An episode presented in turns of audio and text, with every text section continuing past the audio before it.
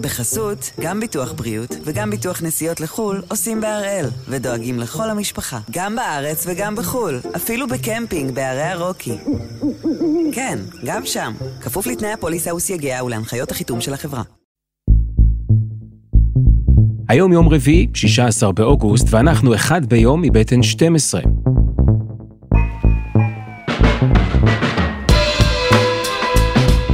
אני גדעון אוקו, ואנחנו כאן כדי להבין טוב יותר מה קורה סביבנו. סיפור אחד ביום, בכל יום.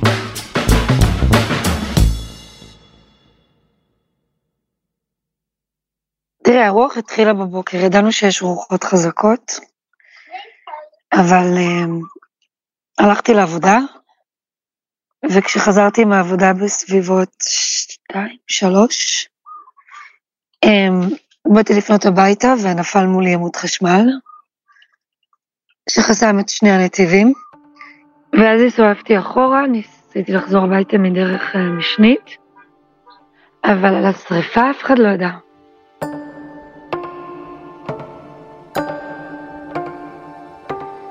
עדן ברוק אדמיסון הגיע להוואי לפני תשע שנים במחשבה לעבוד קצת בעגלות ולחזור לארץ.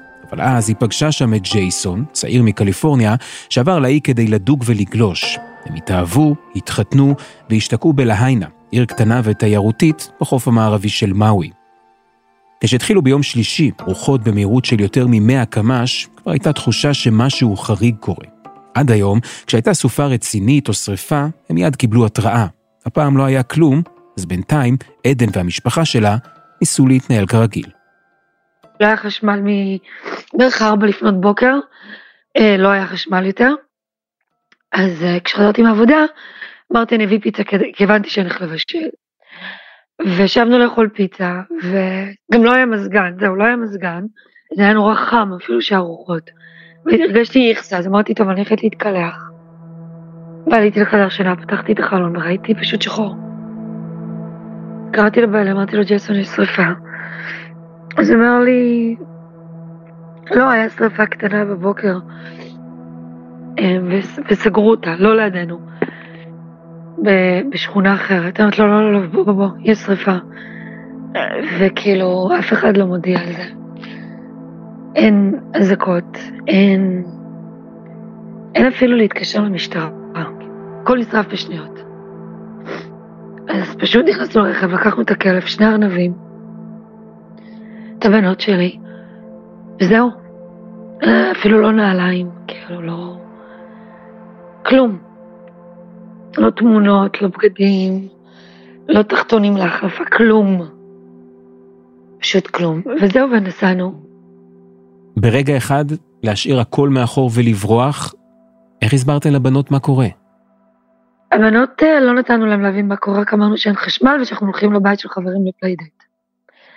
כי אני לא רציתי, קודם כל אני להתפרק, וגם הייתה לי אמונה מאוד חזקה שהבית לא יישרף.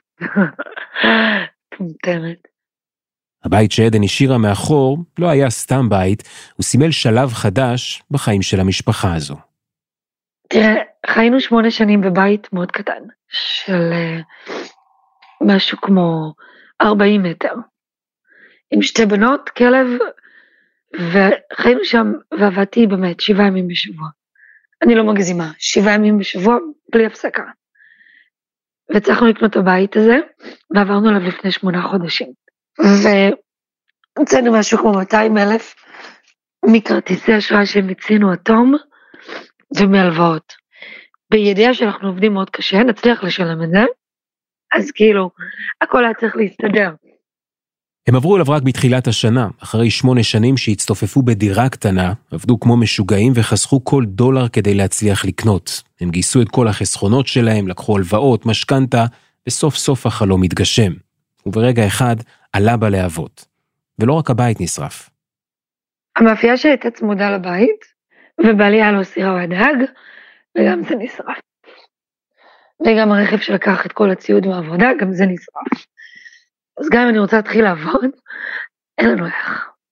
הכל נשרף. אחרי שזינקו מהר לרכב, הם החליטו לנסוע לחברים שגרים בשכונה אחרת, 20 דקות נסיעה צפונה משם. שכונה שהרוח עדיין לא הגיעה אליה. כל הדרך לשם נופל עלינו עמודי חשמל. אנשים כלואים בתוך... בתוך חוטי חשמל ואנטנות. אנחנו נוסעים וכאילו, אני לא יודעת להסביר לך את הדרך, זה כמו בסרטים.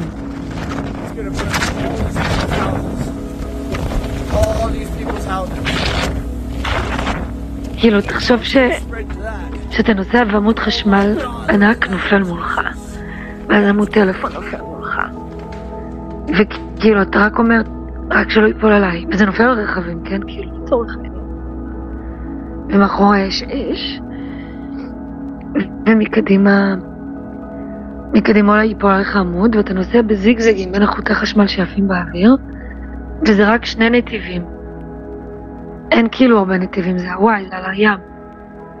העשן השחור מאחוריהם התקדם במהירות לכיוון שלהם, אבל נעצר בנקודה מסוימת, והם הצליחו להגיע לבית שבו יעבירו את הלילות הקרובים.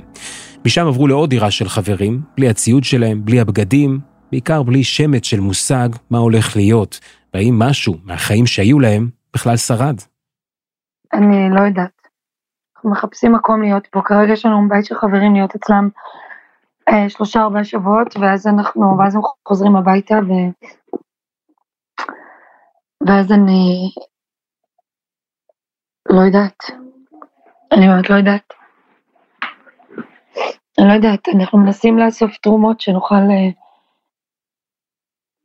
לשלם אה, שכירות ולקנות אה, מיקסר, ואני צריכה להיות מסוגלת לעבוד ושיהיה לי מקום לשים את הבנות שלי, שנוכל ללכת לבית ספר בקרוב, אני לא יודעת אפילו איפה לרשום אותן, כי איפה שהן היו רשומות זה הבלהיינה. אז כאילו, רק משהו שהוא יציבות, אנחנו צריכים יציבות. זו המילה. אז הפעם אנחנו עם החודש החם ביותר בהיסטוריה, משבר האקלים שהולך ומחריף, והמציאות החדשה שבה אירועי קיצון, כמו השרפות הגדולות בהוואי, יהפכו לחלק שגרתי מהחיים שלנו.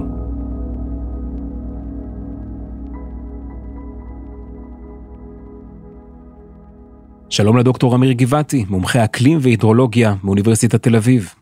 שלום גדעון. אז גם עכשיו, כשאנחנו מדברים, עוד לא הצליחו להשתלט על האש בהוואי, מספר הנספים כבר חצה את המאה וממשיך לעלות. עד כמה השרפה הזו היא אירוע חריג? היא מוגדרת אה, נכון לעכשיו כאירוע הטבע שרפות הגדול ביותר אה, שנמדד בארצות הברית, הוואי היא חלק מהטריטוריה של ארצות הברית, עדיין ההיקפים שלה עוד לא ידועים, זה רק הולך וגדל ככל שנוקף הזמן. זה מאוד חריג, כי הוואי היא מקום טרופי, נמצאת אה, בלב האוקיינוסים, כאלף קילומטר מכל יבשה, אזור שהוא בדרך כלל מקבל אה, הרבה גשמים ומאוד מאוד לח ורטוב. מה שקרה הפעם, שרוחות מאוד יבשות, כמו רוחות מדבר, הגיעו לאי, לחלקים מהאי, לא לכולו, ובאמת אה, גרמו ליובש הנוראי הזה ולשרפה. אז כן, התשובה היא הקצרה היא, זה אירוע שעוד לא היה בהוואי, אולי זה גם מסביר את ההפתעה ואת האי מוכנות שהם אה, מצאו את עצמם. זהו, כי זה אזור שמכיר טוב מאוד, סופות והוריקנים, יש גם גופים ומערכות שמנטרות את האקלים, מתריעות. איך הם לא ראו את זה מגיע? יש להם נוהל של שריפות וצופרים ופינוי, ועכשיו כל הדבר הזה נמצא בבדיקה, אם כי הם יותר רגילים באמת לנושא של הצפות וצונאמי, אה, אז כל המערכת לא עבדה. עכשיו הבדיקה היא האם הכשל היה טכני, מדוע לא הודיעו לאנשים אה, שימלטו ויעלו לאזורים שבאמת אין בהם שריפות, זה בפירוש תפס אותם בהפתעה.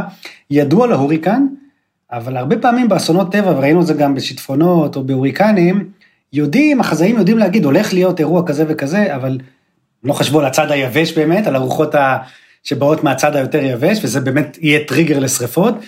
אה, מסתבר גם שבשבועות האחרונים לא ירד גשם בהוואי, שוב, אזור אחד הגשומים בעולם, יש שם רכסי הרים שמקבלים עשרת אלפים מילימטר בשנה, השריפה זה לא משהו שנמצא ככה בשגרה, זה כמו אם ככה נשאיל את זה, אם אצלנו פתאום יהיה איזה, לא יודע, איזה אירוע גשם שיגרום לשיטפון של נהרות שעלו על גדותם, של משהו שאנחנו לא רגילים, אז כן, אז לא נערכו למצב של אש, לא הפעילו את התרגולת של אה, פינוי אזרחים, יותר חיכו באמת לנושא הזה של הרוח, אבל לא לקחו בחשבון מה הרוח הזה יכולה לעשות ולגרום באמת להתפשטות של אש. עכשיו המושל שם באמת פתח בתחקיר להבין אם היו מודיעים לתושבים אפילו חצי שעה לפני, אפשר היה למנוע לא את השריפה, אבל המון מהקורבנות בנפש. זו נקודה משמעותית. וזה לא אירוע האקלים הקיצוני היחיד שאנחנו עדים לו בחודשים האחרונים, היו שריפות ברודוס, בקנדה, שיטפונות ענק בסין. אתה רואה איזה חוט שמקשר בין כל המקרים האלה שמתרחשים דווקא בקיץ הזה? אז צריך לשים את זה באמת בקונטקסט גלובלי ולהזכיר שיולי, שאך הסתיים, היה החם ביותר בהיסטוריה, זה באמת, זה לא עוד מספר, זה ציון דרך. אנחנו כל פעם ככה מדברים, נשבר שיא, נשבר פה שם, כאן זה באמת עוד אה, משהו אחר ואקלים אחר לגמרי. כשאנחנו מדברים על היולי החם ביותר, אז יש מדידות כבר 150 שנה, אבל יש מדענים שמחשבים גם בצורה עקיפה את הטמפרטורות ממדידות בקרח, ואומרים שהעולם מעולם לא היה כל כך חם. ולכן זה בעצם מייצר את כל אותם אירועי קיצון האלה.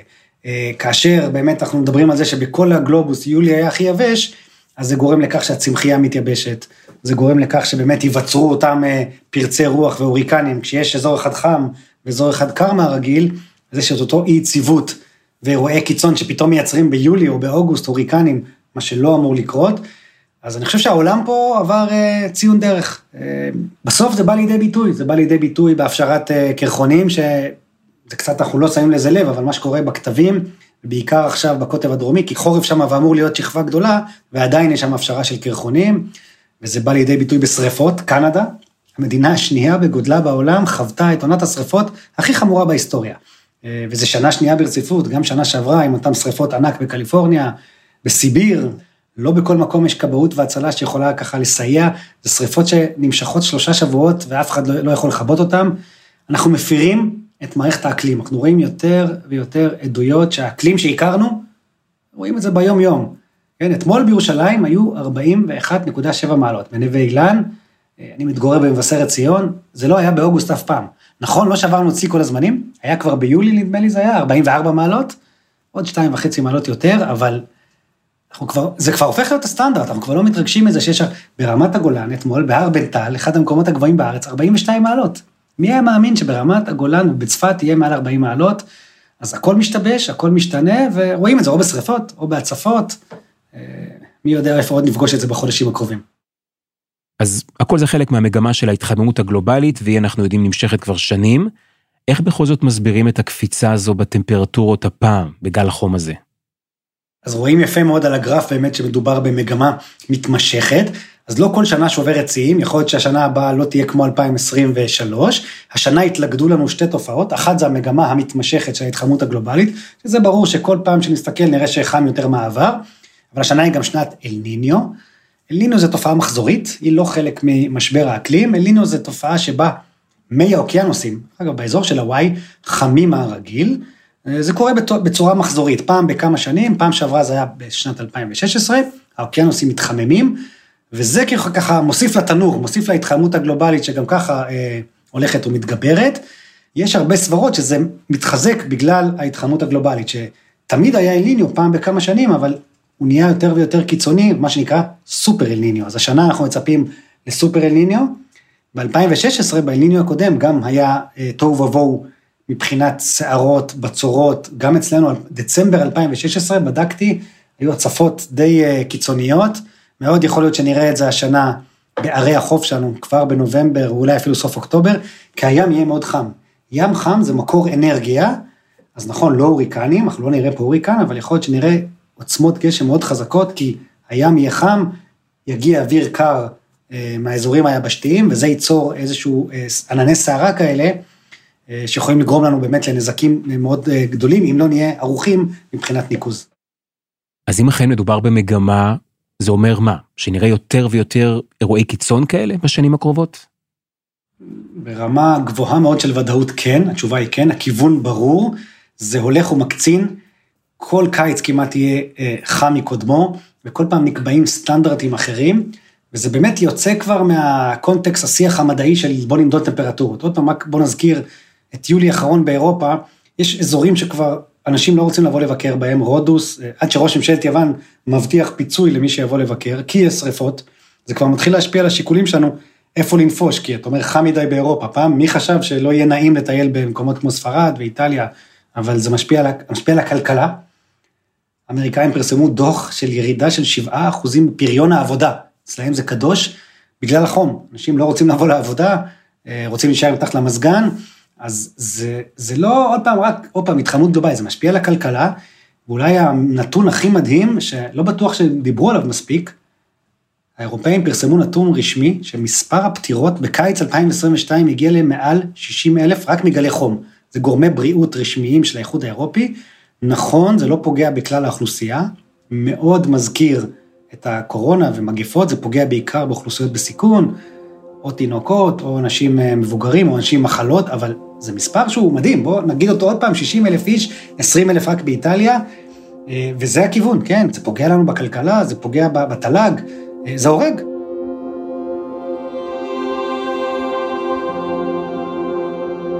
חסות קצרה ומיד חוזרים.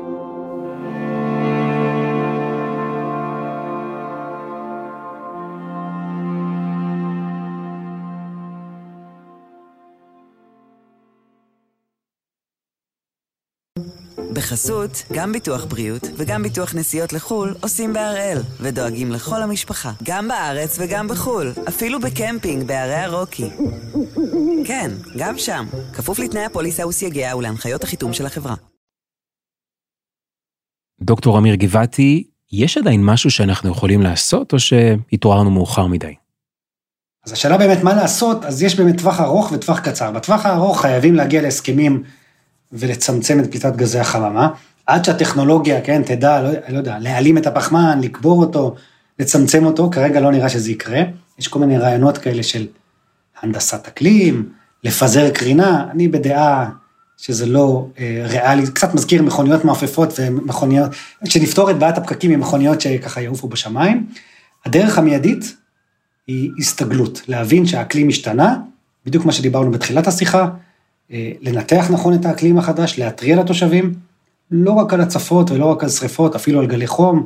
קצת התחילו לעשות את זה בארץ, משרד הבריאות לפני גלי חום קיצוניים מתריע לאוכלוסיות בסיכון, אבל אותו דבר צריך להכין את מערכות ההתראה וההתמודדות, טייסות כיבוי, אה, כל הנושא הזה של מערכות התראה בפני הצפות, כל ה, מה שנקרא climate extreme, כל מה שיכול לפגוע בבני אדם, חייבים לא מחר אלא היום לשדד את המערכות שלנו, מים, נושא של אספקת מים, חקלאות, פה ישראל, שוב צריך לומר, נמצאת במקום טוב. אנחנו מסתכלים סביבנו, בטח ובטח שכנינו שמתמודדים עם מחסור במים, אבל אפילו מדינות מפותחות באירופה, הם בלי מים בברזים. רק השבוע שמעתי על 500 אה, כפרים בצרפת שנותקו מאספקת המים כי הנהר התייבש. או אם נלך לאזור אחר בעולם, שעכשיו חורף שם, במונטובידאו, בירת אורוגוואי, הנהר המרכזי שמזין את העיר, הגיע לשפל כי כל הקיץ לא ירד שם גשם ועכשיו שם חורף, נקרא סנטו לוסיה, אין מים בעיר, צריכים להביא מים ממקומות רחוקים בצנרת מיוחדת. אז זה א' ב', קודם כל להיערך למחסור במים, לפגיעה בשרשרת המזון שלנו בחקלאות, יכול להיות שבאלניניו הבא כנראה, רמת החום תהיה כל כך גבוהה שאי אפשר יהיה לגדל גרעינים ותבואה, ואנחנו הולכים לקראת משבר מזון. צריך להיערך לזה, להגדיל את המלאים, אולי לגדל זה במקומות אחרים. יש פה המון משמעויות ברמת המדינה. אז איפה אנחנו עומדים כרגע מבחינת ההיערכות למצבי קיצון? אז עד לפני כמה שנים לא היינו ערוכים כמעט בכלל, כי זה לא היה בשיח ולא היה במודעות. אה, אני אומר, אנחנו לא ערוכים עדיין, בצורה מספקת, אבל המגמה היא של שיפור. יותר ויותר מבינים שישראל היא באזור רגיש. אה, זה מתחיל אפילו מלמטה. אני חושב שדווקא במקרה הזה זה לא בא מהממשלה, אני רואה את הפעולות שעיריות נוקטות, אפילו בדברים קטנים שנראים כאילו זניחים, למשל הצללה. עיריית תל אביב, והיא לא היחידה, עכשיו התחילה בפרויקט של להגדיל את האזורים שבהם נוטעים עצים בתוך העיר, כי יש מחקרים שמראים תופעה שנקראת אי חום עירוני, שבתוך העיר, על ההתחממות הגלובלית שדיברנו, אם אתה באזור חשוף משמש, חם הרבה יותר מאשר אזורים מוצללים, וזה יכול להציל חיים. וראינו השנה באירופה מקרים שאנשים באזורים חשופים, היה דוגמה של אה, אה, פועלי כביש ברומא, שפשוט אה, קיבלו מכת חום ומתו, אז זו פעולה אחת שעושים ברשויות המקומיות. אה, וגם משרדי הממשלה לאט לאט מאמצים תוכנית היערכות לשינוי אקלים, האם זה מספיק? לא. אז אפשר לומר, יש צעדים נכונים בכיוון, זה יותר טוב ממה שהיה לפני כמה שנים, אנחנו מבינים את הבעיה, אנחנו מבינים שיש בעיה, אבל זה דורש התגייסות ותקציבים של כלל משרדי הממשלה, זה לא עניין של משרד אחד. אי אפשר לצפות שמשרד קטן, כמו המשרד להגנת הסביבה, יפתור את בעיית האקלים, דורש התגייסות של כל המדינה, אנחנו לא מספיק מוכנים, אנחנו לא מספיק משנים את ה... ייצור האנרגיה שלנו לאנרגיות מתחדשות, כמו שקורה באירופה, כמו שקורה בארצות הברית. יש צעדים נכונים, עדיין לא מספיק. טוב, הכל נשמע די מייאש ומפחיד, ולסיום אני כן רוצה לשאול אותך, האם יש איזשהו סיכוי שנופתע לטובה? מבני אדם אני כבר פחות מצפה.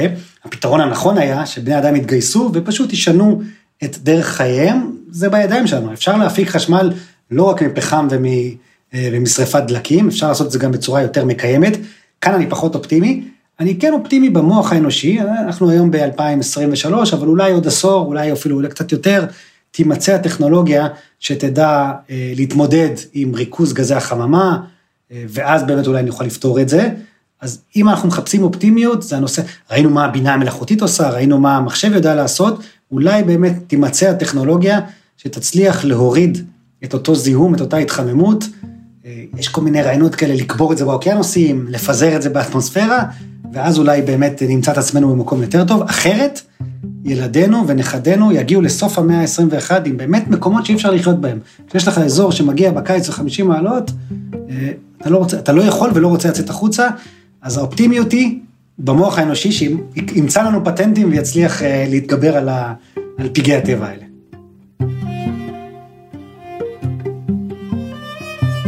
דוקטור אמיר גבעתי, תודה רבה. תודה לכם. ותודה לעדן ברוק אדמיסון.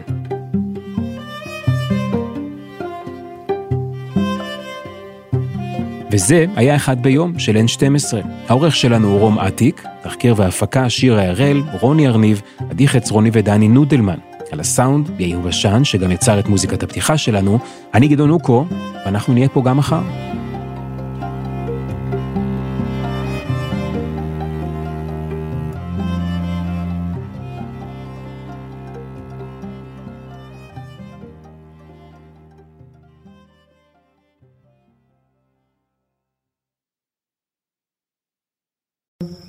בחסות, גם ביטוח בריאות וגם ביטוח נסיעות לחו"ל עושים בהראל, ודואגים לכל המשפחה, גם בארץ וגם בחו"ל, אפילו בקמפינג בערי הרוקי.